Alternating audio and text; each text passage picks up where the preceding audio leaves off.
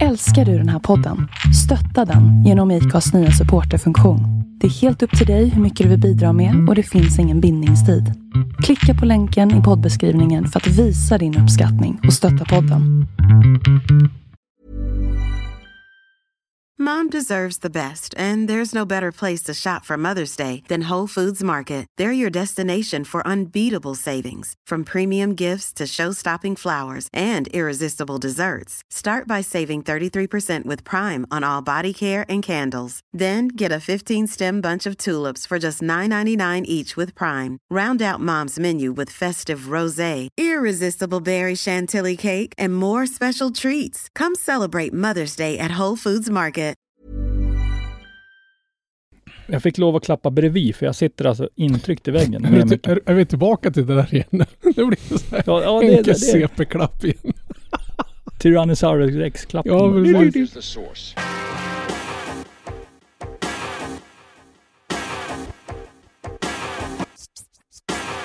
One, two, three, set it!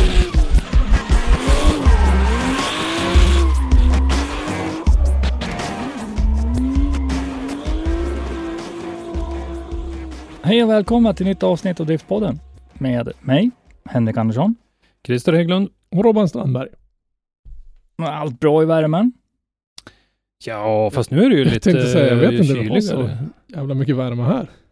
Jag får ju roa med, ja, jag får ju roa med att åka runt lite grann på grabbarnas moppe emellanåt. Och idag när jag åkte fram på affären och hade bara den här driftpodden hoodien på mig, då frös jag faktiskt riktigt Men ordentligt. det, det är bara Fy. 17 grader ute nu.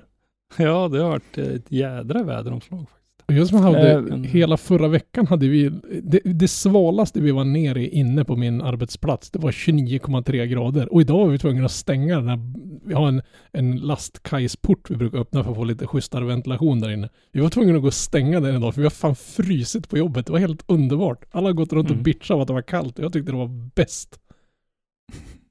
Mm. Alltså en annan då. eh, Jag satt och skruvade lite el idag eh, och jag svettades floder fast jag satt Men- utanför.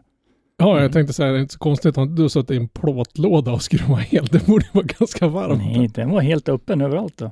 Så jag satt och pillade lite grann. men, men, Mm. vi kan väl börja med Förra avsnittet så pratade vi mycket om drift, Driftmasters i Grindbach. Ja, Det var en, där en vi del. pratade en, ja, en hel del. Och eh, vi pratade mycket om då vad som gör att olika förare kommer hit och dit och sånt där. Vi har faktiskt fått en replik från Felix. Precis. Eh, Felix skickade ett meddelande, Felix Lindvall skickade ett meddelande. Vi var ju lite inne på det här med varför vi tyckte att eh, eh, våra svenska killar blev lite efter. Att de hann inte med riktigt i chasen. Och eh, då eh, skrev Felix till oss och eh, berättade så här att eh, Eh, ett stort problem för mig var att jag körde alldeles för hårt, för mycket vinkel. Jag var väldigt taggad helt enkelt. Vilket gjorde att jag nästan körde helt slut på däcken i lead.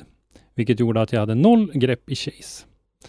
Eh, därav trots att jag initierade typ hjul mot hjul mot Marco, så fort jag klev på gasen så halkade jag undan. Eh, dessutom då påpekar han också att det var väldigt lite twin-träning. Eh, vissa kanske fick köra en trä- träningsrepa med någon motståndare och vissa inga alls. Det är ju lite B. Ja, det, då är det ju väldigt måste jag svårt att hitta, alltså då är det väldigt svårt att hitta bra initieringspunkter. Exakt. Det är ju de små detaljerna man måste fila till i de där twin träningspassen. Så Mm. att, eh, men eh, det var, eh, tack så mycket Felix för att du hörde av dig. Det var intressant att få lite input och eh, det är ju det är ju fullt förståeligt att eh, när man tar steget och kliver ut i, i en sån här serie med de här motståndarna, att man är riktigt, riktigt taggad och då kanske det är lätt att eh, man, man kliver på lite för hårt då, som Felix säger att han gör. Här. Ja, han, han, han fegkörde ju inte. Det gjorde han ju verkligen verkligen inte. inte. Det var, det var fan imponerande. Nej, att se. alltså, det- det, det var ju fullmutter. Det är så jäkla tråkigt att det ska vara en sån grej det hänger på. Alltså att, Men- att, men där- att, där eh, ser vi att också då- däcken inte eh, hänger med helt enkelt. Ja. Mm. Och där ser vi också förklaringen för att han hade i princip kört slut på däcken. Mm. Och vilket ju då också eh, förklarar att det var riktigt bra kvalreper, för då var det ju nya däck. Eh, de Ja. behövde ju inte överleva två, två varv så att säga. Och på, på ett sätt så förstår man ju också att det tar hårt på däcken, för som vi pratade om även när vi jämförde då i förra avsnittet så jämförde vi lite grann Drift Masters mot Formula Drift. Att eh, Formula Drift, eh, det varvet är, är ju Hälften. eller det upplevs som kortare i alla fall. Jag vet inte riktigt, det kanske är ganska långt fastän att det är så få zoner, få kurvor och zoner så att man Sen- upplever det som Sen att det körs det ju rätt mycket rakt där också. Ja, ja nej men. Ja, men eh, det, det är ju, om vi jämför med en, en STC-deltävling i alla fall, så är ju DMEC-varvet väldigt långt. Det är ju nästan som två STC-tävlingar. Alltså du, du kör ju lead och chase i Ja. varje, varje vänd. Alltså det, den var Ja, ju men precis. Jo, men om vi tittar på, jag har ju klagat lite grann tidigare på att Sundsvallsbanan har varit för kort och nu har ju den förlängts mycket, så att nu tycker jag att den är helt okej. Eh, men tittar vi på varvet här i Greinbach så är nog det Sundsvall fram och tillbaka. Ja, ja, ja. Så att eh, det, det, man förstår att det, Ja, det är väl egentligen bara Mantorp som, alltså som, som hamnar ungefär Jo, men det, det är ju bara sträckmässigt alltså från punkt A till punkt B i meter. Sen får du ju tänka på alla de, vad ska man säga, in Ja, och, ut, Greinbach blir in mycket- och utgångar mycket- ur kurvor och grejer. Och det, det åks ju fler gånger på tvären om man säger så. Det nöts ju säkert dubbla mängden med, med däck på Greinbach jämfört med vad det gör på Mantorp. mm. Ja, men det gör det. Och det är samma sak lite grann. eh, Man skulle kunna tänka sig att Hultsfred nöter bra med däck, för där har du mycket svängar. Mm. Och sen kanske inte den är lika lång, men det är väldigt mycket. Och sen, sen hänger det ju lite på vad det är för typ av, vad ska man säga, kvalitet på Mm. asfalten och underlaget och sådana saker. också. Eh, sist jag var på Hultsfred, nu är det ett par år sedan, då var det ju eh, lite blandade underlag där. Det var ju betong någon bit, bland annat. Mm. Så att eh, det, det varierar lite grann. Robban hittade en katt. Ja, jag tyckte det rördes. Jag har en, har en bakom mig så har jag ett jättestort fönster och för att det inte ska bli en sån här jättekonstigt ljud så har jag lagt på, eller hängt för en svart mörk, eller jag köpte en grå mörkläggningsgardin men om min fru tyckte att vi ska ha en svart porrig gardin inne på kontoret. Helt bortkastat. Och så ser jag att den rör på sig i bakgrunden och mig vetligen är jag ensam i det här rummet. Jag tänkte det här kändes lite freaky. Men då har tydligen en av mina tjocka små katter smugit in och lagt sig på en sån här liten säng bak, som hänger på elementet där bakom. Det var lite freaky. Och så blir det lite diskbänksrealism från min sida också när glassbilen kom förbi. här Japp, men du har väldigt mörkt på din sida nu helt plötsligt. Har du Ja. släckt någon lampa eller dragit för någon? Nej, det var solen som dök bakom någon moln. Det är alltså ett mörker i Timrå. Ja. Men eh, ja, nej, men som sagt, det var intressant att få en replik från Felix i alla fall. Och eh, som vi var inne på förra veckan så tycker ju jag, och det är jag övertygad om att han gör själv också, så är ju det här ett läroår för Felix. Och få vara med ute, känna på det här motståndet lite grann och, och se hur, hur man ska bemästra det, vilka, ja men lite olika knep och grejer och sådär. Och, och det är klart att om man ser det så då, så kanske det var otur för honom att kvala så pass högt att han fick börja i lead i alla eh, Mm. de eh, battles han Mm. fick köra. Hade han fått börja i Chase när han hade haft färska däck, då kanske det hade gått lite lättare att hänga med och sen hade utgången blivit en annan av att han hade kört eh, lead i andra åket istället. Men eh, det, det, om inte om fanns, eh, det är ju ingenting att spekulera i, men jag tycker Ja, men det jag- hade nog förändrat en hel del. Ja, jag tror att det kan, hade kunnat gjort det nu när vi fick den här förklaringen. Men det ska bli Sen- jäkligt sen ska man också komma spännande ihåg att det se nästa tävling. Ja. Och se vad de, Ja. vad, de, vad de ligger på där. För nu var det liksom ringrosts-VM om man kallar det för det. Och, och resten av grabbarna hade ju sånt oflyt som man tror inte det är tekniskt möjligt.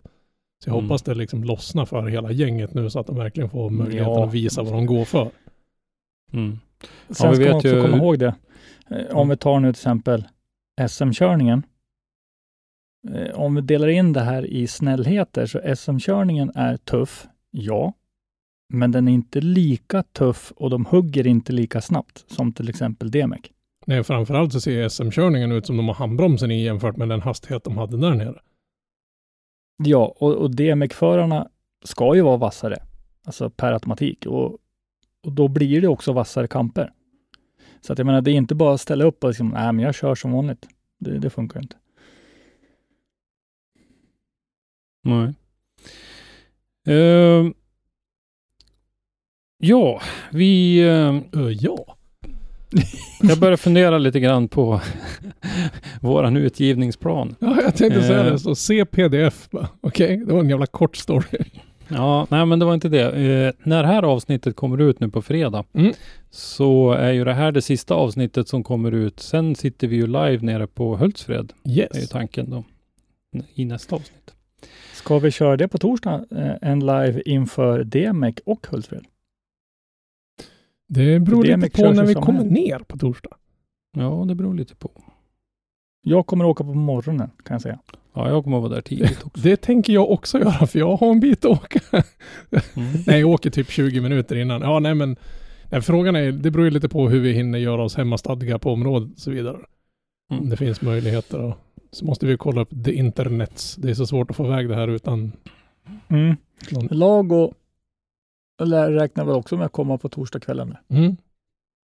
Eller Det, hade var, det hade varit roligt om vi hade haft så bra lina där nere så man hade kunnat ringa, rigga någon mobil eller någonting sånt här och visa våra fula Men var det inte rätt det- starkt där nere? det Youtubes. Jo, jag för mig det var ganska bra där. Inget kan ju ha sämre internetuppkoppling än vad möjligtvis Kursk eller vad den heter, den här ubåten som ligger någonstans skitdjupt någonstans. Den har väl lite sämre mottagning för det internet än vad de har på Sundsvall Raceway, men det, du ska Ja. nog ner på det djupet under havet för att bräda det. Så det Mm. kan ju Ja. inte vara sämre. Nej, jag och för mig det får var helt okej faktiskt. Ja. ja, men det ser vi när vi kommer ner. Jag tänkte Mm. åka ner på morgonkvisten och sen, jag kommer ta det lugnt. Vi ska ju vlogga på vägen ner då. Ja visst, det, måste vi göra. Men vi ska väl, ja, vi ska väl kanske inte avslöja just den idén. Det var någonting som, som vi tänkte komma ut med. Äh, tanken är väl att vi ska försöka göra någon lite sån här visa.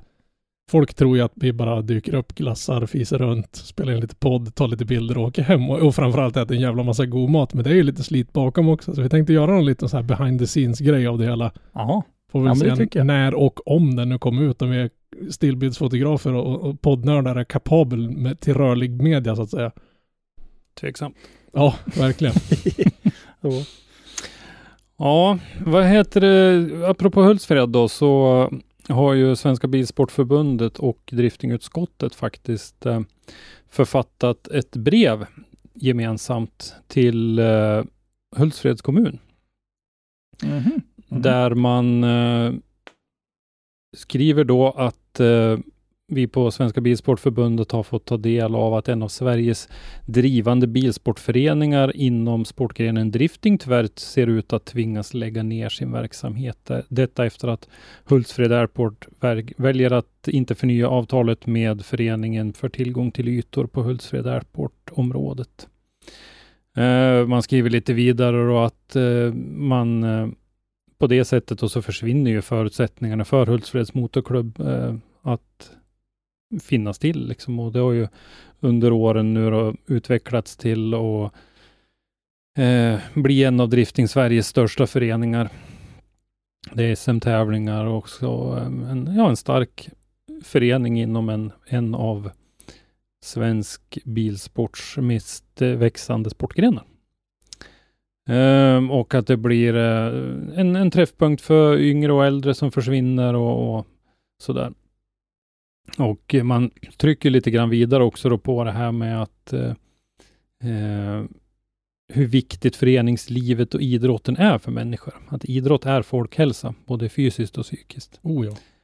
Eh, och att man nu då på det här sättet eh, tvingas lägga ner verksamheten eh, är ju inte bra. Eh, när det är av den anledningen, inte av att intresset inte längre finns, utan av den anledningen att man inte har någon form av arena att utöva sin idrott på. Eh, så SPF då i form av specialidrottsförbund eh, vill ju trycka på då och, och att det här är ju verkligen inte bra. Så att eh, man eh, frågar hur kommunen ser på att en viril idrottsförening inte längre kan fortsätta sin verksamhet. Finns det något i, ni i kommunen kan göra, gör eller kan göra för att Hultsfreds MK ska få tillgång till en plats för sin verksamhet? Finns det något vi tillsammans kan göra för att behålla föreningen Hultsfreds Motorklubb och dess verksamhet i kommunen?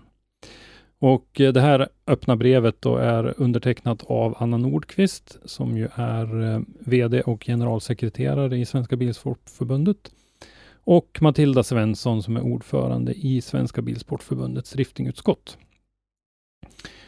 Eh, ett bra brev, tycker jag. Ja, det tycker jag faktiskt. Ja, det är makalöst. Alltså det, det är schysst Mm. att få den kalibern bakom sig också. Precis. Och då- då- lite, lite tyngd bakom. Eh, Ja men precis, för det är ju liksom Mm. någon liten organisation med 20 medlemmar som kliver in på matchen nu och visar liksom att det här Nej. är, vad håller ni på med ungefär? nej. Så jag hoppas det är ju utdelning. Samtidigt kan man ju förstå att kommunen har väl egentligen inte så mycket att säga till om, om en flygplats som är privatägd. Men däremot Nej, ska man in, tycka inte när det gäller hyran på Hultsfred. Airport, men däremot så har de ju ett, ett visst ansvar att underlätta för föreningen att hitta någon ny plats. ja men speciellt när Eh. det är en förening som har så många medlemmar som de har. Det är en så pass stor Mm. idrottsverksamhet, eller stor idrottsorganisation, som gör så Mm. mycket, mycket mer nytta än bara själva, vad ska man säga, motorsporten i sig. Ja, men alltså de, de gör ju väldigt mycket nytta just för ungdomar, eh, buskörning. Jag menar, alltså, Mm, de, de, de gör en samhällsnytta. Det är väl inte så många Mm. andra idrottsföreningar egentligen som kan faktiskt nästan påtagligt bevisligen lägga fram grejer att vi gör samhällsnytta. Klart det är bra att röra på sig när man är ung och spela fotboll och sånt, men det är inte så Mm. att du hindrar en massa, vad ska man säga, det, det är ingen som far och okynnes spelar fotboll i en rondell om man säger. Nej, nej det har ju, vi har ju pratat lite grann tidigare om det här, att man har ju vissa farhågor om att det kan bli lite värre med det där med buskörningar och grejer om den här möjligheten försvinner. Men en av idéerna som finns till att lösa det här är ju att eh, Vimmerby och grannkommunen har ju en, eh, en motorstadion där det skulle kunna gå att inkorporera drifting på något sätt. Vad håller de Eh. på med på den motorbanan i vanliga fall så att säga? Vad är, vad är huvudsyftet med den banan? Min uppgift, nu får eh, Linus, Karo, uh, Rickard och de här i, Hultsfred rätta mig om jag har fel, men min, min syn på det är att eh, de har liknande som i Lidköping. Alltså folkrace rallycrossbana som skulle gå och komplettera lite grann. De, de, har, ingen, få- de har ingen driftingbana där nu så att säga. Nej, nej, Okej. det har de inte.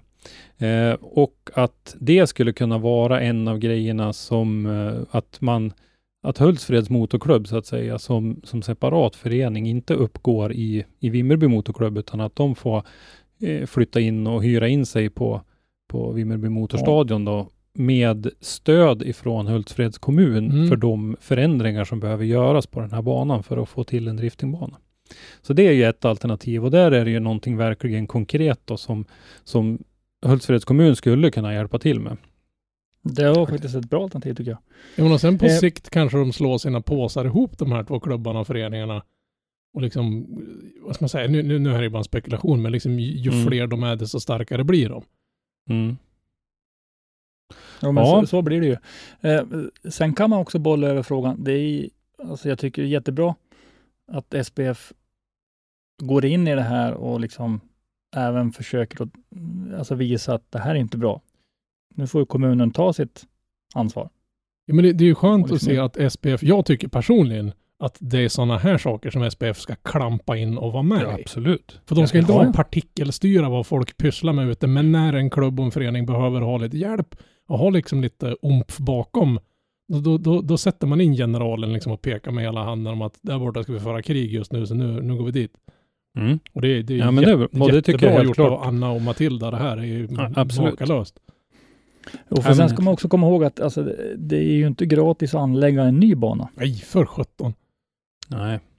Och kan man då på ett befintligt område bara, inte enkelt kanske, men, men liksom, ja, sammanfoga en rallycrossbana med en driftbana så vore det ju perfekt. Ja, alltså man, man- får ju se det utifrån eh, vad som gäller nu så att säga. Nu är Hultsfred Airport, vi måste leka med tanken att Hultsfred Airport är förlorad för alltid. Ja, men det, det, det, kan man ju inte påverka. Den är, det, Nej, det, slaget känns- är väl nästan förlorat så att säga.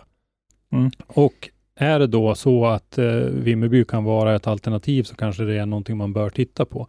Därför att eh, det, det allra bästa hade ju varit att få fortsätta där man var, därför Ja, att där var man ensam och där rådde man över helt själv. Eh, ska man in på Vimmerby Motorstadion till exempel så kommer man ju ha andra sportgrenar, andra tävlingar, andra arrangemang och så vidare som man får rätta sig efter i, i när det gäller vilka helger som är tillgängliga för tävlingar och, och allting. Så att det finns ju samtidigt så har man en kanske en organisation som kan hjälpa till att och ta hand om ja, men publikparkering, eh, alla möjliga sådana där grejer. Så att det, det, finns, det finns för och nackdelar med alla lösningar, men det här är en av dem som jag har hört pratas lite grann om ute i periferin. För det är väl ganska Mm. unikt att ha en bana som man är ensam på och kan rodda om själv. Det är väl typ mig, alltså i närheten av där vi bor är det väl bara, vad ska man säga, SHR och Sundsvall, men nu har ju de flera olika grenar som slåss på samma område. Annars är det ju Mittsverigebanan och där är det ju alltid från road racing och det är eh, track days och mm, time attack och, och massa grejer och Mm. go-kart och grejer. Så det är liksom, vad ska man säga, på motorbanor är det ju ganska vanligt att det är flera klubbar, flera organisationer och flera idrottsgrenar som samsas. Men, men som på Ja. Hultsfred Drift Track har ju varit liksom ett drömscenario att här nere i våra lilla hörn här, här kan vi roama Mm. fritt. Det är aldrig någon annan här och stör. Mm. Och det är väl det som har varit framgångssagan också, att de kan arrangera saker så ofta de har, de har Ja. liksom haft möjligheten och det har funnits intresse. Ja, det Mm. tror jag. Det Mm. plus att de har ju haft eh, ett, ett väldigt eh, vad ska man säga, ett väldigt folktätt upptagningsområde Mm. dessutom. Så att det har varit, Jo men intresset haft- har väl varit stort där nere helt enkelt. ja, och man har fått möjlighet att få ekonomi i det tack vare att det har varit, det är inte, har ju inte varit omöj, eller ovanligt med att det har varit upp, en bit över 100 bilar på en, på en frikörningsdag och då Det går det ju att få ekonomi sjukt. och hålla på. Det är ju Ja. alltså vilka jävla siffror för en frikörning. Vad får vi ihop här uppe? I, under glansdagarna var det väl 15-20 bil kanske. Ja. Alltså det, det är helt bisarrt och det tyckte vi liksom, åh ballt det så kommer så många liksom. Mm. Ja, nej, så att det, det, vi får se vad det blir av det där. Men jag, som sagt, jag ville lyfta lite grann i alla fall att jag tycker att det här brevet var ett, eh, ett eh, bra initiativ och helt rätt ifrån eh, eh, Anna och Matilda då, att försöka och, och hjälpa Hultsfreds motorklubb i, i, i den här kampen i alla fall och se vad man kan göra. Även om, om vi ser att slaget är förlorat för, för flygfältet så kan det ju gå att göra någonting annat av det. Ja, vi har hört något så definitivt får du en helt annan besked. tyngd bakom klubben. Ja, du men, får ju en helt annan tyngd med SPF och allting. ja, ja, Ja. men har, har vi hört något liksom final decision om att nu är det, det här är, det är över, så att säga? Eller, Ja, eller det kriga, krigar de final- fortfarande? Det var väl final då när vi hörde det? Ja, det, det, det, är liksom, det, det har inte skett någon Ja, ljusning, nej, nej. ingenting, utan det, är- det är liksom, när, när Nej. kontraktet är slut, då är det slut. Ja, som jag har förstått i alla fall. Jag eh, har inte ställt frågan rakt ut, men däremot har jag pratat med Caroline om lite andra grejer. Eh, Caroline Andersson som är ordförande i Hultsfreds motorklubb. De flesta som lyssnar på den här podden vet nog vem Karo är. Eh, men eh, vi har inte pratat om den här frågan, men jag tänker mig att hade det hon vet ju att vi är väldigt Ja, jo. intresserade av den här frågan, så att skulle det hända någonting så är jag helt övertygad om att hon kommer att säga någonting om det. Och vi har inte hört något mer från, från eh, de som äger flygplatsen, vad de har liksom för... Nej, jag vet inte om man håller på med avloppet fortfarande. Ja, jag tänkte säga, det måste varit en jävla propp det där alltså. Jag vet inte, för er som inte har lyssnat på det avsnittet så ringde jag upp en av ägarna till eh, Hultsfred Airport och ville ställa några frågor om, för det fanns ju lite otydligheter i, Lite. i, det, de, ja. i, i det de sa. Eh, och eh, han hade inte tid för han höll på att rensa avlopp så att han hade inte tid att prata med han, han sa ju några ord ändå innan det var färdigt. Så att, eh, men eh, Vi får väl hoppas det har löst det, så att säga. Så, man, eh, vill man sticka ut hakan lite grann så kan man ju säga att de ljuger och far med osanning för att det stämmer inte det de säger. Eh, om nej vissa men att- det är väl inte att sticka ut hakan, det är väl bara helt sonika. Det finns det ju konkreta fakta som stödjer. Mm. Så det är väl inget konstigt uttalande tycker jag, utan de har ju inte hållit sig till sanningen. Och det har vi ju faktiskt belägg och bevis för att så är inte fallet. Mm. Men då, Precis. Vi var ju och rotade lite grann och pratade med eh, Länsstyrelsen bland annat om något miljötillstånd som man hävdade, eller någon anmärkning på miljöhanteringen där som man ville hävda fanns men som inte fanns hos Länsstyrelsen och så vidare. jag menar Länsstyrelsen har väl ingen hund i den här fighten, så det finns väl liksom ingenting, inget incitament från, från deras sida att de skulle ljuga om den här saken. Nej, verkligen. Ah, det är ju Mm. oavsett är det tattarmässigt utfört, jag om jag rätt, skulle jag vilja säga. Eh, vi återkommer om det där när vi kommer till Hultsfred i alla Yes. fall. Vi ska försöka få tag i lite folk och blanda in i det där så får vi se vad det blir av det. Men Nu kom min granne hem. ja, bara sådär. Men eh, eh, ja, jag, jag tycker det är bra. Jag tycker det är bra att SPF går in och visar sitt, alltså sitt stöd. Försöker då trycka på lite grann på kommunen som faktiskt enligt stadgarna ska vara med och verka för föreningslivet i olika eh, grenar.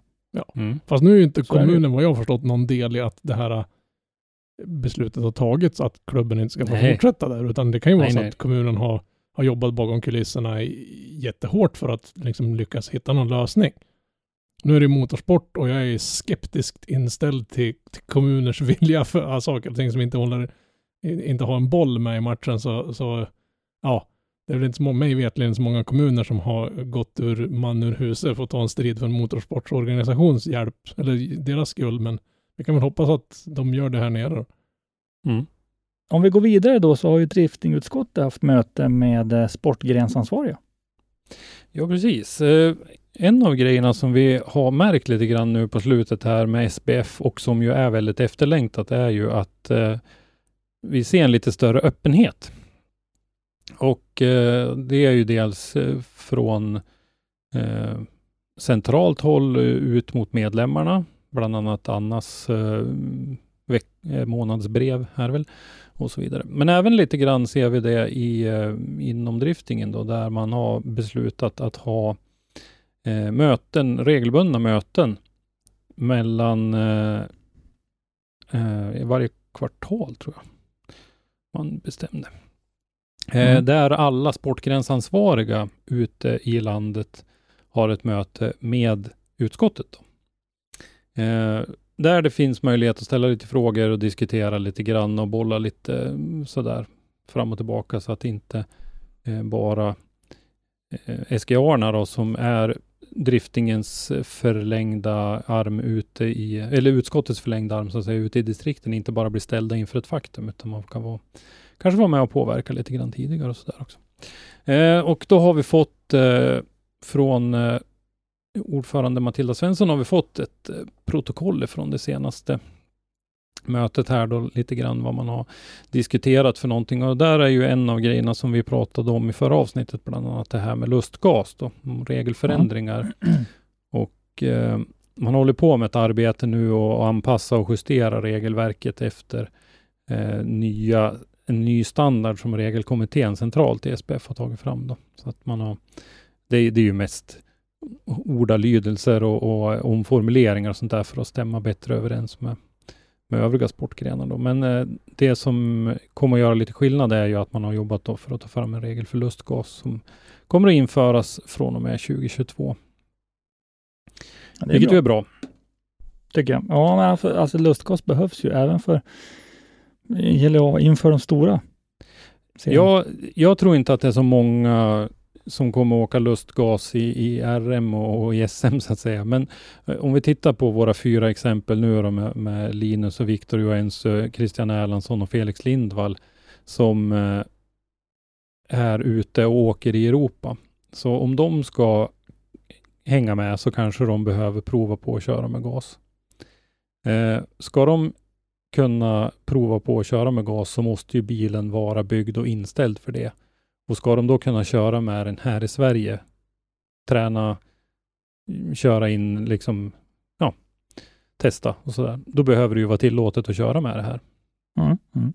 Så att jag tycker att det är ett steg som är helt rätt att ta för att ge våra internationella förare eh, möjligheten att eh, De har en chans hänga med. enkelt. Ja, hänga med i utvecklingen där ute för att det, det, det kommer nog att bli vanligare och vanligare. Sen hoppas jag, som jag säger nu, att det inte kommer att bli någon inflation så att det kommer att bli lustgas i varenda halvtattigt byggd E36 som man ser ute på någon tävling. Det Utan, är ju klart det kommer att bli det. Alla vill ja, det känns gas ju som att det finns en risk för det, men Men är, är, kommer det inte begränsas bara till den högsta serien, alltså provbilarna? ja, det vet jag inte om det gäller pro och semipro, men eh, det, det får vi väl se.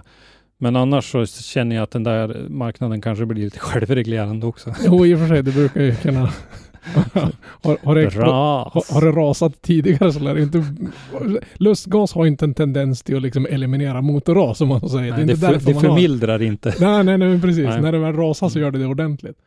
Sen är det väl lite meck, men att det blir en helt ny grej för motorbyggarna att kliva in i och få. Ja, det är klart, nu är det många av de här op- tuningfirmorna som har väl hållit på att peta med lustgas, men jag tänkte att grabbarna ute i garaget som står där och skruvar så är det väl i och för sig en ganska intressant grej att det blir någonting nytt man måste hålla på och pilla med också. Mm. Men risken är ju det i, barn, i, vad ska man säga, i vaggan att det kommer att ske en del oförutsedda händelser om man så säger. Mm. Det kommer vara en del Mm. onormala ventilationshål i en del motorblock och sådana saker. Mm. Insyningsluckor i ins- vevhuset. installera så här, eh, 500 hästars lustgas. Ja, ja, nu kanske man inte ska börja där på någon originalspis då. Så här. B18 Ja. med 528. Ja, Nej men det där blir, det där blir bra. Eh, sen så kommer de där eh, utkast på regler då skickas ut till SGA så att de får läsa igenom och sådär. Vilket ju är bra. Men eh, sen var det en, en intressant eh, grej om eh, licenser också faktiskt. Där eh, driftingutskottet då har lämnat ett förslag om att införa en juniorlicens. Som tyvärr har blivit avslagen då. Eh, det finns ju väldigt många yngre förare som är intresserade av att eh, börja köra drifting och risken är ju att om man inte ger dem tillfälle att köra inom SPF så fångas de upp i någon, i någon annan alternativ organisation. Vi har ju fler som, som agerar på den här marknaden än, än, än SPF, så att eh, det, det är nog bra. Men eh, däremot då, eftersom den fick avslag då, så planerar man att sänka lägsta åldern för tävlingslicenser eh, istället och öppna upp och förenkla möjligheten för, för barn och ungdomar eh, och, och kunna börja med drifting. barn och ungdomar ska börja med drifting. Det lät väldigt så. Ja, Vilken, vilken ålderskategori pratar vi nu då? Är det så här, vad heter Ja. den i... Oh, vad heter den? Men Jesus, vad heter med Harrison Ford? De har någon liten, vad heter han, Roundtree heter den lilla killen som kör någon pickis. och så han, Indiana Jones. in, ja, så Indiana Jones, så har han stora träklossar runt dojorna. Så ja. Är det på den nivån vi pratar? ja, men det har det väl varit lite grann. Jag har väl sett en del olika som har börjat väldigt tidigt. De når väl åtminstone ner till pedalerna. Ja. Nej, men som sagt, för det här med att vi har andra aktörer på den här marknaden är ju faktiskt en sak som vi måste ta lite hänsyn till. Ja, men så är det. Vi, eh, vi har ju haft eh, Ja men vi har ju haft andra som har, nu vet jag ju till exempel att Driftbärs har ju bytt så de kör ju Nitros Mm. eh, i år. För både licenser och försäkringar och hela den biten där. Så att det finns ju lite olika varianter. Nu har jag faktiskt ingen koll på vad det gäller för åldersgränser i, inom Nitros, så jag ska inte säga någonting om det, men det har ju det finns andra alternativ i alla fall. Jag tycker det är bra att eh, finns det ett behov så är det bra om, om eh, utskottet ser till att SPF hänger med i den där. Vad är lägsta gränsen idag så att säga? Jag tror att det är 15. Okej. Ja, jag tror det också faktiskt. Eh, för- du har ju, Nitros är väl ganska ny på marknaden just för driftingen. Mm. SMA har det också.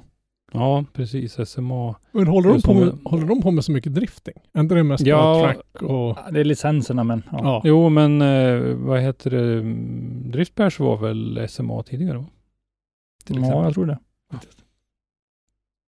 Ja, så eh, vi får väl se vad det blir av det där. Eh, sen så har det varit efterfrågat lite eh, licensutbildningar, både för förare och funktionärer. Och eh, det fanns väl inga planer, i alla fall när det här protokollet skrevs, eh, några sådana utbildningar, men att eh, man Det skjuter ju min hela grej i sank om det inte har en utbildning för funktionärer. Det är, Ja, det är ju katastrofalt. Fan, hela mitt projekt Men- i skogen. här, här då är man ju lite grann inne på att och skörda frukten eller ta fördelarna av, av covid-pandemin i alla fall. Att nu har det ju varit de digitala utbildningar i, i de allra flesta fall. Eh, och då spelar det ju faktiskt ingen roll vart i, i landet man sitter någonstans. Annars har man ju väntat och dragit ihop tills det har funnits eh, underlag för en kurs på en, en viss klubb eller ett, i, i, en, eh, i ett distrikt åtminstone. Men det behöver man ju faktiskt inte göra nu. Så att Nej, och vill, eh, vill SBF veta hur man ska göra för att få det så professionellt som möjligt så kontakta våra driftingutskott. För den där fråge, ja, frågestundsgrejerna de hade, det var jag, jag är sån här, jag pluggar ju fortfarande på högskola och universitet fast jag är en gammal gubbe för jag tycker det är roligt att plugga saker och ting. Och där sker ju allting online, men inte ens mitt universitetet har någonting att komma med när det gäller kvaliteten på onlineutbildningar och sånt jämfört med det som driftingutskottet gjorde. Det var, det var ruskigt professionellt. Så det, det hoppas jag att de, att de liksom anammar och liksom frågar hur var ni åt, hur var liksom era upplägg och grejer. För men en funktionärsutbildning är en walk in the park om man lägger upp det enligt, enligt deras principer så att säga. Mm. Ja, Ja, men just digitalt, alltså tekniken finns ju där, varför inte nyttja den fullt ut? Jo, men samtidigt går det att göra den så katastrofalt värdelös via, med hjälp av digital teknik. Du kan ju göra den Ja, så jo. den är helt obrukbar. Alltså den kan vara så komplicerad och så tråkig att titta på så man nästan somnar. Så, eller så får jag citera en arbetskollega, det kan vara så dåligt som man får ont i tänderna. There's never been a faster or easier way to start your weight loss journey than with plush PlushCare. PlushCare accepts most insurance plans and gives you online access to board-certified physicians who can prescribe FDA-approved weight loss medications like Wigovi and Zepbound for those who qualify. Take charge of your health and speak with a board-certified physician about a weight loss plan that's right for you. Get started today at plushcare.com slash weight loss. That's plushcare.com slash weight loss. plushcare.com slash weight loss. Hey there, it's Michelle Norris. I'm host of a podcast called Your Mama's Kitchen. When I travel, I'm usually looking for a way to find a taste of home when I'm not at home. And one of the things I love to do when I am at home is entertain. And Airbnb allows me to do that. When I was in California recently, I rented a house that had a great kitchen. And when we were sitting around the table, we're all thinking, we're in someone else's house. Someone could be in all of our homes as well. If you have a home, but you're not always at home, you have an Airbnb. Your home might be worth more than you think. Find out how much at airbnb.com/slash host.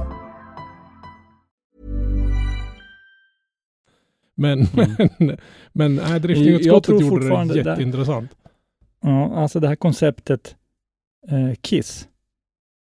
Keep it simple, stupid. Alltså, det håller i alla, alla lägen. Ja, och först ska man börja med RTFM FM. Ja, vad är det? Read the fucking manual, fucking moron. Men ja, nu, nu vart vi explicit där igen. Ja, ja Mm. nej men jag, tror Nej, att, jag tror att det kommer att vara, underlätta ganska markant om vi, om vi anammar oss den här tekniken även för framtiden. Och eh, där frågas det lite grann även då vad som finns för eh, material och vad som eventuellt saknas där då för att man ska kunna ha funktionärsutbildningar. Och det hoppas ju vi då som håller på och mässar om det här att man ska höra av sig till sin lokala förening och bli funktionär. Att det kommer att anordnas utbildningar så att man känner att man kommer vidare och, och sådär. För de som vill det. Det är ju inte så säkert. eh, Vi måste ju påpeka det hela tiden när vi pratar om det här med funkisar att det finns alltid behov av outbildat folk också som vill ha, för att det finns människor som inte är som du Robban och inte vill gå kurser och inte vill utbilda sig. Nej men som tycker att man, man är med och gör en, gör en, en liten insats Ja, men ändå. det är en liksom. kul grej oavsett på vilken nivå man, man gör det. Ja men precis, och det finns behov av sådana också. Så att eh, ärligt- man, man får inte tro att man behöver gå en massa utbildningar för att bli funktionär, utan man kan men ärligt talat, så de, de som gör den absolut största nyttan är inte de som sitter i ett sekretariat och, och göttar sönder. Det är de som har sprungit och dragit araband, ställt upp staket. Alltså det är ett hundgöra, men utan det så spelar det ingen roll hur mycket utbildningar de andra grabbarna har om det inte finns någon som vill göra, vad ska man Mm. säga, Nej, det grovjobbet så att säga. Precis. Ja, det var väl lite det som stod i, i det där protokollet. Eh, Mm. som, eh, och det är ju bra. Jag, jag gillar det här eh, nya sättet att jobba med öppenhet och lite mer diskussioner och grejer och sånt där. Att det verkar som det sprider sig neråt i, i hela organisationen. Men ja, det är bra, det behövs. öppenhet är ju viktig Alltså för- är ju välkomnande direkt. Ja men öpp- öppenhet för en så stor organisation som SPF är ju liksom A och O just i dagsläget med tanke på all den kritik de har fått för att de sitter och är hemliga i någon litet skrubb. Mm. Och det här är ju väldigt, väldigt, väldigt bra steg i rätt riktning. Absolut, och tittar vi speciellt tycker jag på, på driftingen internt också i den lilla klicken Ja. så här att, att driftingutskottet har ett väldigt nära samarbete med sina egna SGA ute i distrikten är ju jätteviktigt. Därför att det samtidigt minskar ju, eh, vad ska jag säga, jag ska inte säga att det minskar kritiken mot utskottet, men att man det blir inte en vi och dom-känsla på samma sätt om man jobbar väldigt nära varandra som man riskerar att det blir om man jobbar långt ifrån varandra. Att SGA i, i distrikten sitter ute och jobbar med sitt och, och, och ty, liksom känner en distans till utskottet centralt, utan man, man känner att man jobbar mer tillsammans. Och det tror jag är jätteviktigt, för där har det funnits lite brister tidigare. Men det eliminerar ju mycket så här ryktesspridning och vilda spekulationer. Ja. Speciellt när det känns som att utskottet är så pass nära så att man kan bara smacka iväg ett mejl och få en ganska omgående ett svar. Och även Mm. där då, driftingutskottet har ju fått lite kritik från andra, vad ska man säga, lite äldre, mer, mer etablerade, det vill säga betonghäckarna i de andra grenarna, om jag, om jag uttrycker mig Mm. så. Att, och än en gång där, titta på, om ni nu ska kliva in, släppa sargen och kliva in i, i matchen med öppenhet och, och, och liksom närma er eh, vad ska man säga, utövarna och liksom, vad ska man säga, kalla det för fotfolket eller era medlemmar, så, så titta på hur, hur driftingutskottet gör. Arbeta enligt deras normer och principer och komma så pass nära och liksom plocka ner det på en, på en vettig nivå istället för att sitta långt upp i något torn och ingen vågar prata med er. För jag Mm. menar, eh, Mm, SPF är människor de också. Även om de kanske är svåra Ja. att nå ibland. Så jag menar, det går ju liksom att närma sig. Och det är väl det lite, de har ett litet jobb med nu att plocka bort. Och det, jag läste ju någon grej som jag inte, för någon vecka sedan om att de ska försöka sluta, vad ska man säga, sluta partikelstyra väl synd att säga. De ska liksom Ja. sköta det mera, eh, se, släppa mer ansvar ut till, till SGA och sådana saker. Ja, eh, det där är ju ett arbete som påbörjades eh, eh, redan under förra ordföranden. Att man ska låta styrelsen fokusera på strategier och stora beslut. Eh, och så ska man ju ha de här heltidsanställda inne på kansliet som eh, sköter, det blir ju inte en per sportgren utan en, en person kommer ju ha hand om ett antal sportgrenar. Eh, och sköta mycket av det här ska man säga, den tar lite grann av jobbet ifrån eh, eh förbundsstyrelsen, den tar lite grann av utskottets eh, ideella jobb och samlar det under en, en, en tjänst. En, eh, en tjänstemannatjänst så att säga. Och eh, det där tror jag är viktigt, ett viktigt steg. Eh, det är viktigt för förbundsstyrelsen att kunna fokusera på, på strategigrejerna, för man har varit inne och petat i för mycket detaljer förut, eh, tycker jag också. Eh, Men sen så kommer det säkert att finnas, jag som aldrig kan se annat än utmaningar i saker, men, nej, men det kommer att finnas utmaningar i att varje sportgren får det utrymme den behöver ha. Mm. Att eh, hamnar du i samma, under samma människa som folkrace till exempel, som är en otroligt stor gren med många utövare, så, så kanske, eller vissa racing eh, Alltså, hamna med racing som också är, som är många och väldigt många eh, klasser och, och sådär, så, så kanske de mindre grenarna riskerar att halka undan och det där måste man försöka se till att det, att det blir så bra som möjligt. Jo, det har man, man- säkert en plan att- för, det är jag övertygad om. Jo, men man vill ju inte att en, en sportgren ska försvinna ut i, i bruset bara i bakgrunden. Att det är Nej. så fruktansvärt mycket att rodda med de andra grejerna så att de inte hinner. Och det är ju sånt de Precis. får, får liksom, vad ska man säga, kolla i början. Eller åtminstone i början kommer det säkert att vara lite barnsjukdomar tills de har Mm. kört in sig i, i det hela så att säga. Och sen är det ju jäkligt schysst om man, om man slapp få någon som sitter på kansliet som tycker att den där motorsporten tycker jag är förkastlig så att säga. Så den lägger jag inte ner så mycket jobb med. Ja, man, man vet ju aldrig liksom vad, vad personliga preferenser kan, kan spela in en sån här sak.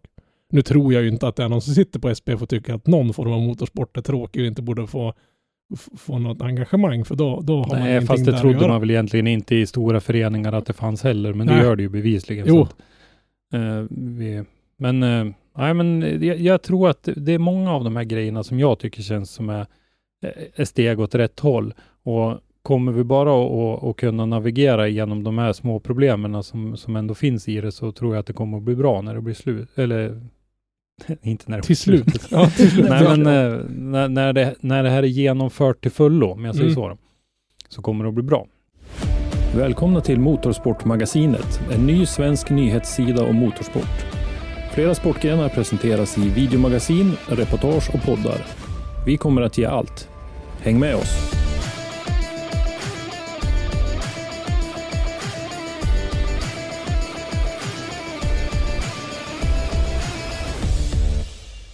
Vi ska ta en tvärsväng till höger. För att sladda in på Street Jag tänkte säga, det är just en tvärsväng de här grabbarna inte tar. Det var väl någon Ja, som tog precis. en tvärsväng till höger. Han fick åka bergare såg jag i helgen. Mm. Det är därför vi gör högersvängen, tänkte jag. Ja. Nej, men alltså, eh, vilket koncept. Street Week, ja precis. Eh, det har ju precis avgjorts nu då, Street Week. Det är ju en tävling där man under en vecka kör dragracing på fem banor runt om i en del av Sverige. I det här fallet den södra delen. Eh, och så den sjätte dagen då så ska man ta sig tillbaka till utgångsläget. I år så var de här banorna Kjula Dragway, Emmaboda flygbana, Malmö Raceway, Vårgårda och Mantorp Park. Och sen då tillbaka till Kjula Dragway igen. Kjula som ju ligger strax utanför Eskilstuna. Hur långt är det från Mantorp? Det är väl en hyfsad bit tillbaka? Ja, det var nog en 25... Oj jäklar. Kan det vara så Henke va? Jag, jag tror jag, uppskattningsvis en 25-tal mil. Ja, Eh. det, ja, jo, det borde, borde nog bli tycker jag. Ja. Eh, det var 200 anmälda bilar. Eh, 35 av dem kom inte till start. Eh, jag vet vad anmälningsavgiften var till det här. Och Mm. eh, gu- 350 lättförtjänta Tusen tappar där då. Det är klart, det lär, Nej, det men- kosta en spänn eller två Jo. att arrangera det här. Det är inte så att någon, det. någon sitter inte Absolut. hemma och bara Nej, bläddra. nej. Eh, 41 bröt faktiskt längs vägen. Eh, ett tag tyckte jag att eh, man undrade, är det någon som kommer att komma i mål överhuvudtaget när vi följde det här? Jag var med i en Facebookgrupp bland annat för det här. Men det var ju naturligtvis så att det var ju de man såg, för att de la ju ut när, när, de, eh, när de bröt. Och, Mhm. eh, men det var 124 ekipage som kom i mål i alla fall, som tog sig runt det här. Och eh, vi Eh, jag drog ihop och kollade lite grann. Närmaste vägen mellan Kjula, Emmaboda, Malmö, Vårgårda, Mantorp och tillbaka till Kjula är 135 mil. Eh, men sen så var det ju lite checkpoints och grejer efter den här vägen så att man ville ju styra lite grann vart de skulle köra någonstans. Eh, och så att det blev ju nog mer. Jag, jag tyckte jag såg någon uppgift om att det var på 170 mil eh, totalt. Och eh, där åker man ju racebil alltså, för reglerna i Street Week är ju det att det du behöver för att köra och tävla, förutom bränsle, det ska du ha med dig. Och din mekaniker. Och din mekaniker, ja. Precis. Så eh, man har ju suttit och åkt racebil då och det var ju jättevarmt förra veckan. Jag tänkte att det var Och- väl inte så många som har AC i sina. Det var väl några Nej. som hade det säkert, men Jo, det var det säkert, Men men, inte de många här har ju inte det. Och många har ju Lexanrutor i dörrarna som inte går att öppna och så vidare. Och det var ju många som hade värmeproblem och sådär. Men, och det skruvades ju en hel del eh, längs vägen och sånt där. Men de kör, de kör alltså, de kör alltså racebilen ja, ja. mellan Det, är- det, det, det är Street Week. Du ska ju köra från punkt A. Du har en bil att åka med och det är den bil du Mm. tävlar med. Det enda du får göra i stort sett är att swappa dina däck. Det var ju många Vill- som, som bytte till, det- jag vet inte om, om polisen är väl inte så glada att du kör med dragslicks på, på E14 men Mm. många hade ju sina ja, hade däck väl dubbla öppna. på Ja, släp eller tak däck. eller Precis, för släpvagn får du ha om du vill och behöver. Annars var det ju många som lastade på tak och bak i skuff och sådär. Men eh, och den enda då som får, eller de enda som får hjälpa till var ju de som checkade in som mekaniker och de ska ju också åka med där. Men hur är det, att, får, eh, får man hjälpa varann att skruva eller är det bara du Ja. och din mek? Så, så teamet bredvid, de, de får hjälpa till att skruva om Ja, de... Okej, alla, okej. Så, alla som, de pratade om något svart eh, handledsband såg jag som eh, väl skulle indikera då att man var incheckad som, som medlem i ett team. De fick hjälpa till så att man fick hjälpa varann och det okej. har man ju sett många exempel på att man har eh, slagit dubbelknut på sig själv för att hjälpa kompisarna så att säga. Men, eh, Men det, alltså, det är ett riktigt läckert koncept. ja, det är det. Jag undrar ju bara lite grann så här, vem drar igång något liknande för drifting? det Drift, skulle ju vara Drift Week. Drift Week. Det, Det är skulle ju vara ett kanske jätteroligt inte koncept. så jäkla många driftbilar som går att regga ut på gatbruk kanske. Men Ja, men eh, Ja, jo, eh, å andra sidan, herregud. en del av de här bilarna vi såg på Street Week kan jag ifrågasätta. Vän av ordning, hur kan det där vara lagligt och ens nästan framföra på allmän väg? Mm, Nu är jag ju jo, glad det är- om det nu faktiskt är så att det går att framföras när det inte bara åker Toyota Prius allihop. Mm. Eh, Men- Vi har ju eh, Peter Sandström. Ja, visst höll, visst höll väl Peter Elvis Sandström på med något liknande för några år sedan? Va? Ja, det var en eh, drift-sprint-serie. Ja, okej. Men, Men det var är- inge, sånt här format att de, att de skulle ta sig från olika grejer. Ja, Utan det var ja. bara att Elvis, lyssnar du på oss så får du höra av dig. Fanns det inte planer på en, en, en liknande grej för några år sedan? Fast det var inte prat om lika långa avstånd då. Utan då har jag för mig att vi pratade om Malmby givetvis, som ju har varit Elvis eh, Jo, hemvist. Eh, Malmö, Eh, Uppsala typ och sen... vad heter den andra? Lunda? Lunda ja. Ja, och så var det någon, en liten, en liten kortare variant så att säga. För att eh, 135 mil med racebil, det är långt alltså. Men jag såg det, jag, jag, kikade på Fast någonting. här, här, ja just det, men här gick han in och skrev, ja men nu kommer jag ihåg det. Eh, då skulle man tävla en dag på Lunda, packa ihop allting och så åker man till Malmby. Och så tävlar man dagen efter där. Så packar man ihop allting och sen så förde man sig vidare. Jag tror inte det var prat om att man skulle köra tävlingsbilen. Det kan ju vara ett Mm. fruktansvärt bekymmer om det nu skulle vara en drift week enligt, vad ska man säga, street weeks reglemente. Drifting har ju en grej de förbrukar i kopiösa mängder och det är just däck. Ja, men det kan det- man ju undanta då. I, Ja, jo okej, man får däck och bränsle får du liksom transportera ja men i, i däckmaskin. Anders Klåma Gustafsson kommer säkert Ja, att ja. stå på eh, det, kränger däck på, i dubbla betydelser så att Ja, säga. jo, det jo. tror jag inte är något problem. Men eh, hur skulle man kunna, jag tänkte att vi skulle slå våra ja, ska, något skadade skallar ihop. Hur, hur, hur ska vi komma på ett koncept som håller för det här då? För att en av grejerna som gör att eh, Street Week är ett jätteroligt koncept, men det är ju som att titta på när målarfärg torkar och titta på det på en livestream till exempel. Därför att Ja, jo. de kör ju två och två, men de tävlar ju inte mot varandra överhuvudtaget. Utan de går in i pre-stage, de går in i stage, sen blir det grönt ljus och så sen så kan de stå där och bygga lite turbotryck och så vidare. För tiden börjar ju inte räknas förrän man lämnar startlinjen. Så att man tävlar ju bara mot sig själv.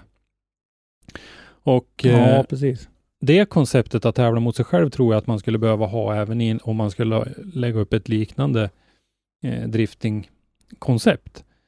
Eh, man kanske ska köra kval på tre kvalreper på, på de första.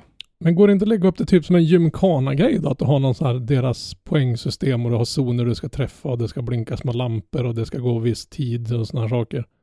Jo, Alltså att det är så här gymkana-week så att säga. För där har du ju ett färdigt, vad ska man säga, där kör du ju inte heller, alltså du, du har ju ett, ett, ett poängsystem redan färdigt som du ska kunna utnyttja där. mm. Man skulle ju kunna köra typ, alltså du, du kör kval på varje ställe, så kör du stege och sen så får du vinnarna från den Ja, stegen. du, har, du, du har typ en topp Gå 32 i slutet, så det är en jävla massa kval som du får samla ihop poäng och så tar man de 32 bästa och de får göra upp på en, en, en ja, på sista på, på lördag, söndag på, på Mantorp Park eller någonting sådär. Mm. Så Sån, ni, ni, får gärna sno tanke. den, ni får gärna sno den här idén av oss alltså. Vi är helt okej med det. Jag tänker inte Ja, ha någon ja. claim i den dumma idén. Nej, det var ju, ja, min idé var ju eh, liksom att eh, lite, jag är ju lite traditionell i mitt tänk, så då var det ju, ele- eller vad heter det, kval och så sen en eliminering då sista dagen. Men den här gymkana-idén kanske inte är så dum den heller. För att jag skulle gärna vilja se hur någon med en driftbil försöker släpa med sig typ 64 uppsättningar däck. någon 2JZ och 3-4 lådor och en bakaxel. Sittande bak på, på dragkroken. Jag har ju en, en kille i våran, i, i motorsportmagasinet som heter Dennis som följer, eller som har väl fotat lite en, en, jag vet inte om de är några vänner generellt, jag vet inte hur, hur han och den andra Dennis, Dennis Modig i det här fallet, han har en, enligt min mening, Sveriges ballaste 740. Den ser ut som en helt standard 740 GL, fast det sitter ju klart han har någon lite kraftigare turbo än vad 740 GL var utrustad med. Men han har ju en liten grej så han sätter fast en däckhållare på dragkroken. Så han har ju två, Mm. sina dragslicks sittande typ rakt bakom reggplåten på sin bil. Jag tyckte det var en skit. Och så han en takbox. That's it. Ingen släp eller annat vek. Inte någon Mm. halv bil i reservdelar med sig. Och den, den bilen är badass. Så går ni in och kikar någonstans på någon sån här Street Week Sverige. Så håll utkik efter en, en bebisblå Volvo 740. Den är så Den är jävla snygg. Riktigt grym Ja, är det den. är Eh, den, är, den ser ut, jag beskrev den så här för någon att nu var det inte så, men om jag hade haft en 740 som min första bil och så skulle min son nu ta körkort så vill jag köpa en 740 till honom och göra i ordning den original men snygg. Så ser den där bilen ut. Den är, den är original, väldigt fint skick ser det ut som och så är det lite 50, 59 North eh, fälgar på den. I övrigt så syns det ingenting. Men det sitter ju en eh, våldsam turbosnurra under huven och det är, ja, det är allt möjligt. En riktigt Det sitter väl bil. någon 24 ventilars monster i den här? Om jag inte är helt ute och cyklar. Jag tror det. Jag tror det. Men det, det som är så mest fascinerande att alltså vid en snabb ögonblick, om den där bilen skulle stå på typ parkeringen utanför ditt jobb så skulle du inte reagera någonting på den. Det skulle Nej. se ut som en, jo, det skulle man göra för i det skick, den är så Mm. skulle den behöva gå tillbaka till det glada eh, slutet på 80, början på 90 för att se en 7-serie i det skicket. För den ser, jag jobbar Mm. som bilmek när de här bilarna kom till våran verkstad på, på bilbolaget och den är fan i, inte ens en ny 7-serie var sådär fräsch nästan. Det Hur är, det, gammal är du? jag är en miljon år gammal. Jobbade du när 740 kom? Ja, den var ny då. Alltså det är det som är så jävla deprimerande. Vi hade ju, så här, och 480 kom, råttskallen kallas den. Usch. Nej, för fan. Ja, nej men nu tappade vi eh, lite grann om eh, greppet om Drift Week här, men eh, vi, nej Vi- men vi det där får- tycker jag någon Vi får sitta och Det- klura lite på det Det- på det alltså- Eftersom vi har så det mycket tid över väl vet, värt här att... Alltså det är ett koncept väl, väl värt att utforska. Sen måste vi faktiskt säga också att det är väldigt väl arrangerat. Eh, duktigt arrangörsteam som sköter om det här så att, att det blir en bra vecka och en bra tävling har ju mycket att göra med att det är ett väldigt rutinerat gäng som ligger bakom det. Eh, och vi har, vi fick ju, bland annat du Robban tipsade ju mig om en, eh, en ett Youtube-klipp som den här, eh, heter han Robert Reiholt? Ja, precis. Det är mannen Eh. som byggde en, en brutal Camaro, någon banrace-historia som har varit på massa mässor och vunnit en ruskig massa priser och grejer som tyvärr då råkade ut för en liten olycka. Så att den bilen finns inte längre. Det var ingen i den som kom till skada för Nej, den jag på in- trailer till. Ja, ja, inte mer än, mer än den mentala grejen att ha kört Mm. sönder, råka ut för en olycka och precis klara sig. För när man ser han, på, på Roberts YouTube-kanal så får man följa när de går dit och tittar på olycksplatsen. Och ärligt talat är det bara ett, bara ett bevis på vad en bra byggd bil kan stå pall för. Och han har, Mm. det, det är sån jäkla tur att killen som körde bilen inte vart skadad. Alltså att någon överlevde den där smällen är helt jäkla obegripligt, ärligt talat. Mm. Mm. Eh, I alla fall, i den här, han skulle ha varit med i Street Week egentligen, Mm. men eh, kunde inte vara med. Så då var han med som någon slags eh, medåkare och gjorde lite YouTube-klipp. Ett, typ ett från varje Han dag. fes runt och drack en massa champagne som de sabrerade med en yxa i början Ja, av varje ja, just det, avsnitt. så. Jag tyckte det var asballt. Men det jag fastnade för, det var när man förevisade tekniken som ligger bakom allt det här. Eh, som de flesta vet så har ju vi jobbat lite grann med livestream och eh, tycker ju att eh, det är jätteintressant teknik och så vidare. Eh, det är ju Nitros och eh, Timetree som eh, ligger eh, Eh, bakom tekniken i Street Week och eh, det var faktiskt riktigt intressant att, att få en förevisning. Dels av hur, hur det här tidtagningssystemet fungerar med fotoceller och tider och grejer. Eh, det var lite grann om sekretariatet, hur, hur det hålls reda på allting. Hur man har, man har fel, inbyggd felsökning i det här systemet så man kan kolla så att alla fotoceller fungerar och man kan se hur bilarna passerar respektive cell och, och sådär. Och så sen även hur livestreamen är kopplad till det här systemet. Så att när man kör en livestream, när Nitros kör en livestream, då sitter ingen bildproducent och byter kameravinkel, utan det gör systemet själv. När bilen bryter en eh, viss eh, sån här fotocell för att få en av de här mellantiderna, de får ju mellantider på 60 fot och jag vet inte, är det 100 meter och Nej, det är samma sak. Det. 60 fot och 100 meter, det är Japp. ungefär samma sak. Men eh, jag, jag kommer inte ihåg. Men Ja. eh, man, eh, får, man har ju ett antal mellan tider efter vägen i alla fall. Och när de bryts, då byter man kameravinkel med hjälp av det. Så att det är ju ett, ett väldigt raffinerat system för eh, att koppla ihop administrationen av tävlingen med eh, produktion av livestream, vilket gör att det blir personaleffektivt och, och därmed då ganska ja, prisvärt, eller vad man ska säga. Billigt är väl ett dumt ord. Men, men det som är, eh, ligger i, i dragracingens favör där, det är att de håller sig på en väldigt linjär tävlingsbana om man säger. Den Ja, går väldigt, det, det är inte så att den tar inte upp, den är ju 400-500 meter rak och sen är den kanske 25 meter bred och sen, ja, that's it. Mantorp Park Mm. har ju lite större, vad ska man säga, områden att täcka. Men det, det skulle ju tekniskt sett, det skulle ju fungera med någon form av sj- själva klippdelen så att säga. Man skulle ju fortfarande behöva ha kameramän som står ute och kan kan eh, följa med bilar i panorering och sådana här saker och drönare och sådana grejer. Men själva bildproducenten skulle inte behöva sitta och klippa ihjäl sig för att Nej. få de här snygga klippen, utan det skulle fotoceller kunna hjälpa till med. Några stycken i alla fall, kanske inte alla Mm. då, men och sen kan man väl kanske gå in och overrida det där om det är så att man skulle vilja stanna kvar på ett område och filma någonting och så vidare. Mm. Men, men Ja, för det kan ju faktiskt bli så till exempel då att eh, två bilar går ihop, går in i muren precis vid fotocellen så Ja. att den sitter och flippar. Ja, ja men nå, någonting sånt där. Men det är ju säkert, och här har ju de här fotocellerna sitter ju redan här på alla banor och kör du den här time tree grejen så har, har ju den som har utvecklat den mjukvaran haft det här i åtanke när de gjorde den. Mm. Och det är ju Mm. samma som Jocke på och Sundsvall visade mig lite grann uppe i tidtagningstornet och de kör ju samma sak där. Och när de hade SM-veckan tror jag det var, då körde de ju det här systemet för att Mm. kunna klippa lite kvickt. Och För jag menar, det går ju fort i drifting, men det är ju verkligen ingenting jämfört med de Nej. stora. Men Ärligt talat skulle Nej, jag inte vilja absolut. försöka sitta och hinna med och switcha mellan kamerorna på fyra Nej. sekunder och kört 200 meter och så bara ja.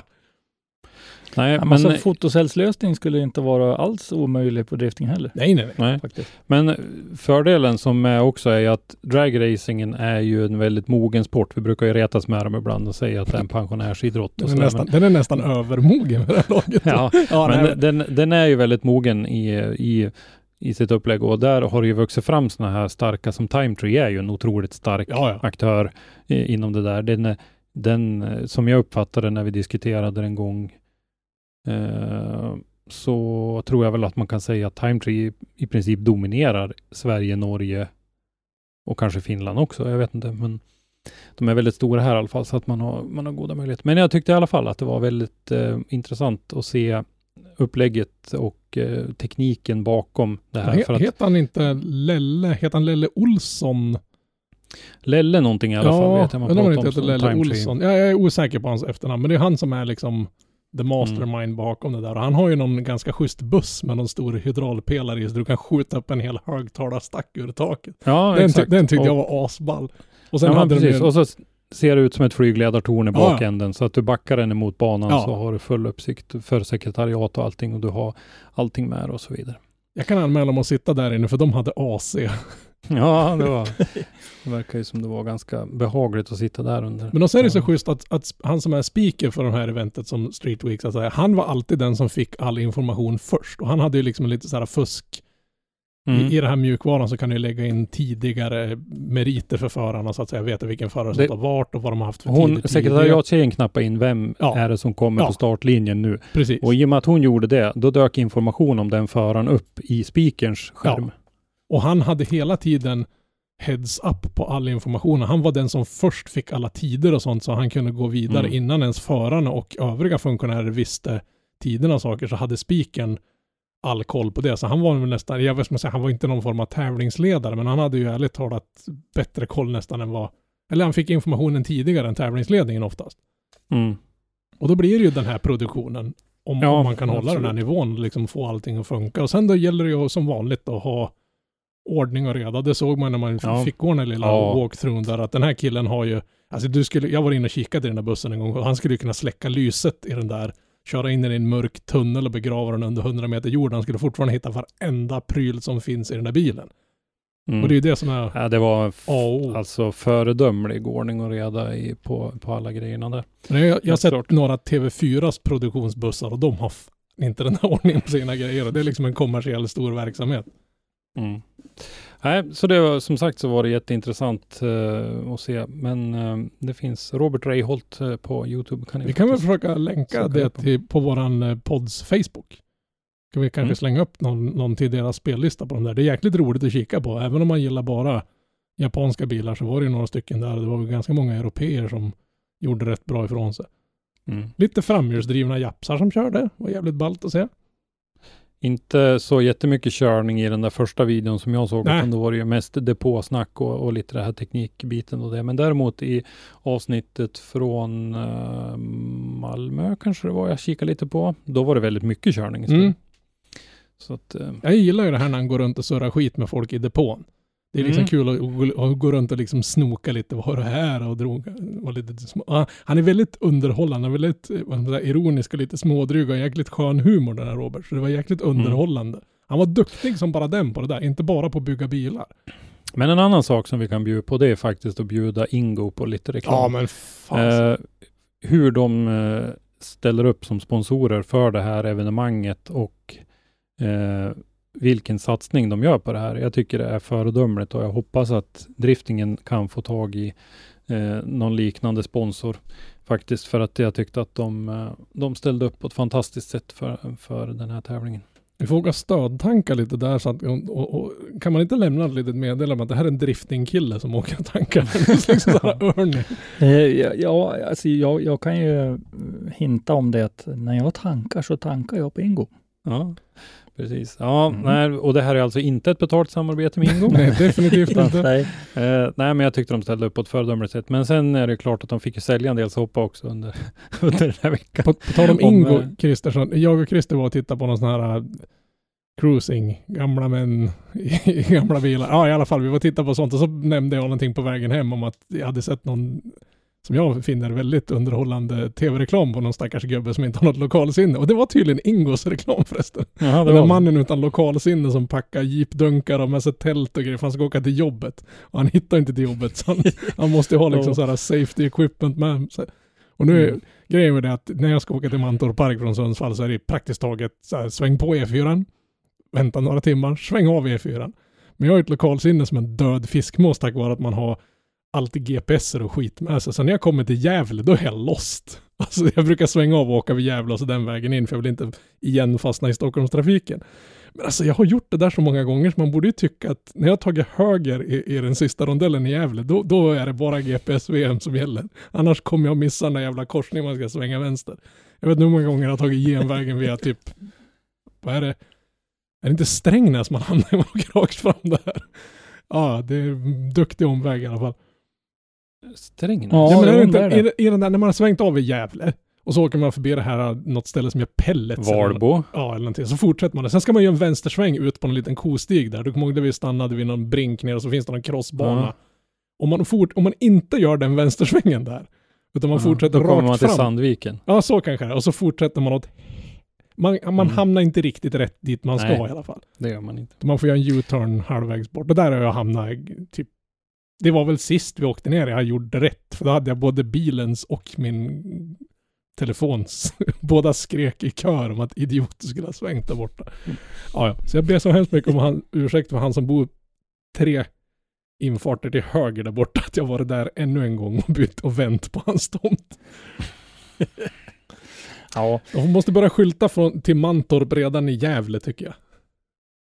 Ja men håll i Vad heter det? Jag tänkte vi skulle hålla det här under timmen idag, Ja, men det gick sådär. skiter ju sig som vanligt. Det lättaste det är om Men- jag typ går ut och gör någonting annat när ni ska podda. Då är vi nere på 25 minuter. vi, vi, vi kan ju köra så här. Eh, Med den bomben så vill vi såklart att ni följer oss. Följ Motorsportmagasinet på Facebook, följ oss på Instagram, eh, följ oss på Youtube. Där heter vi också Motorsportmagasinet. Eh, nu heter vi Driftpodden, Och följ, vi samarbetar med och följ in- Motorsportmagasinet. följ inte en silverfärgad V60 med Driftpodden-logga på bakrutan om ni tror att ni ska hitta För rätt. då åker du fel. så, så skit i det. Eh, I alla fall så följ oss gärna så att ni inte missar och följ Driftpodden på Facebook såklart.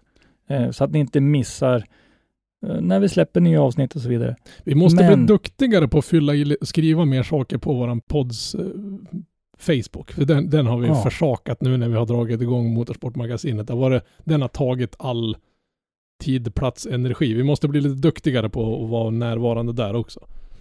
Och även på Driftpoddens eh, Instagram. Ja. Eh, däremot så är det också en kanal för er att höra av er till oss. Väldigt enkelt att skriva då DMs. och rätta oss. Ja, rätta eller komma med idéer eller ja. Ibland slänger vi ut en fråga där vi kanske vill ha svar från er. Då, ja. Ni får gärna tala om om ni tänker använda den här Drift Week-konceptet vi just har yrat ihop nu. Det vore jättekul om någon kunde ta över pucken där.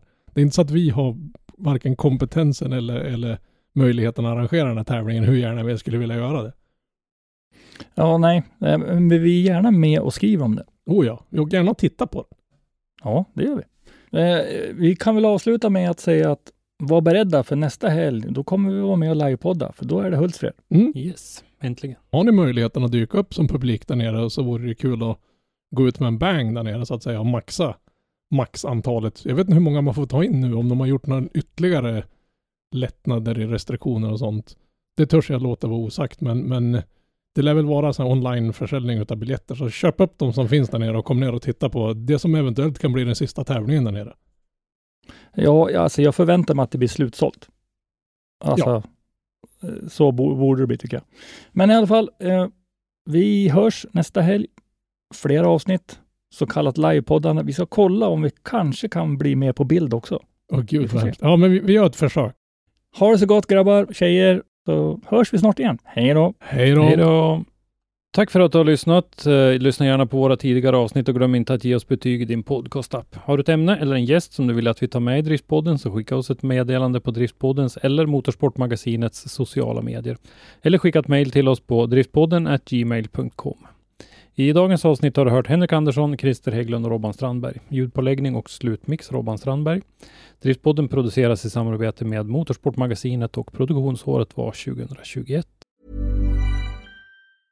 Hey, it's Paige DeSorbo from Giggly Squad. High quality fashion without the price tag. Say hello to Quince.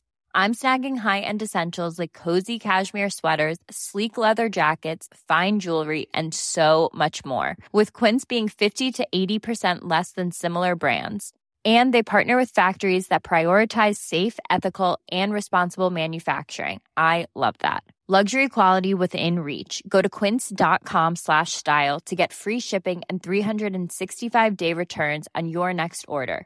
Quince.com slash style. Ja, så.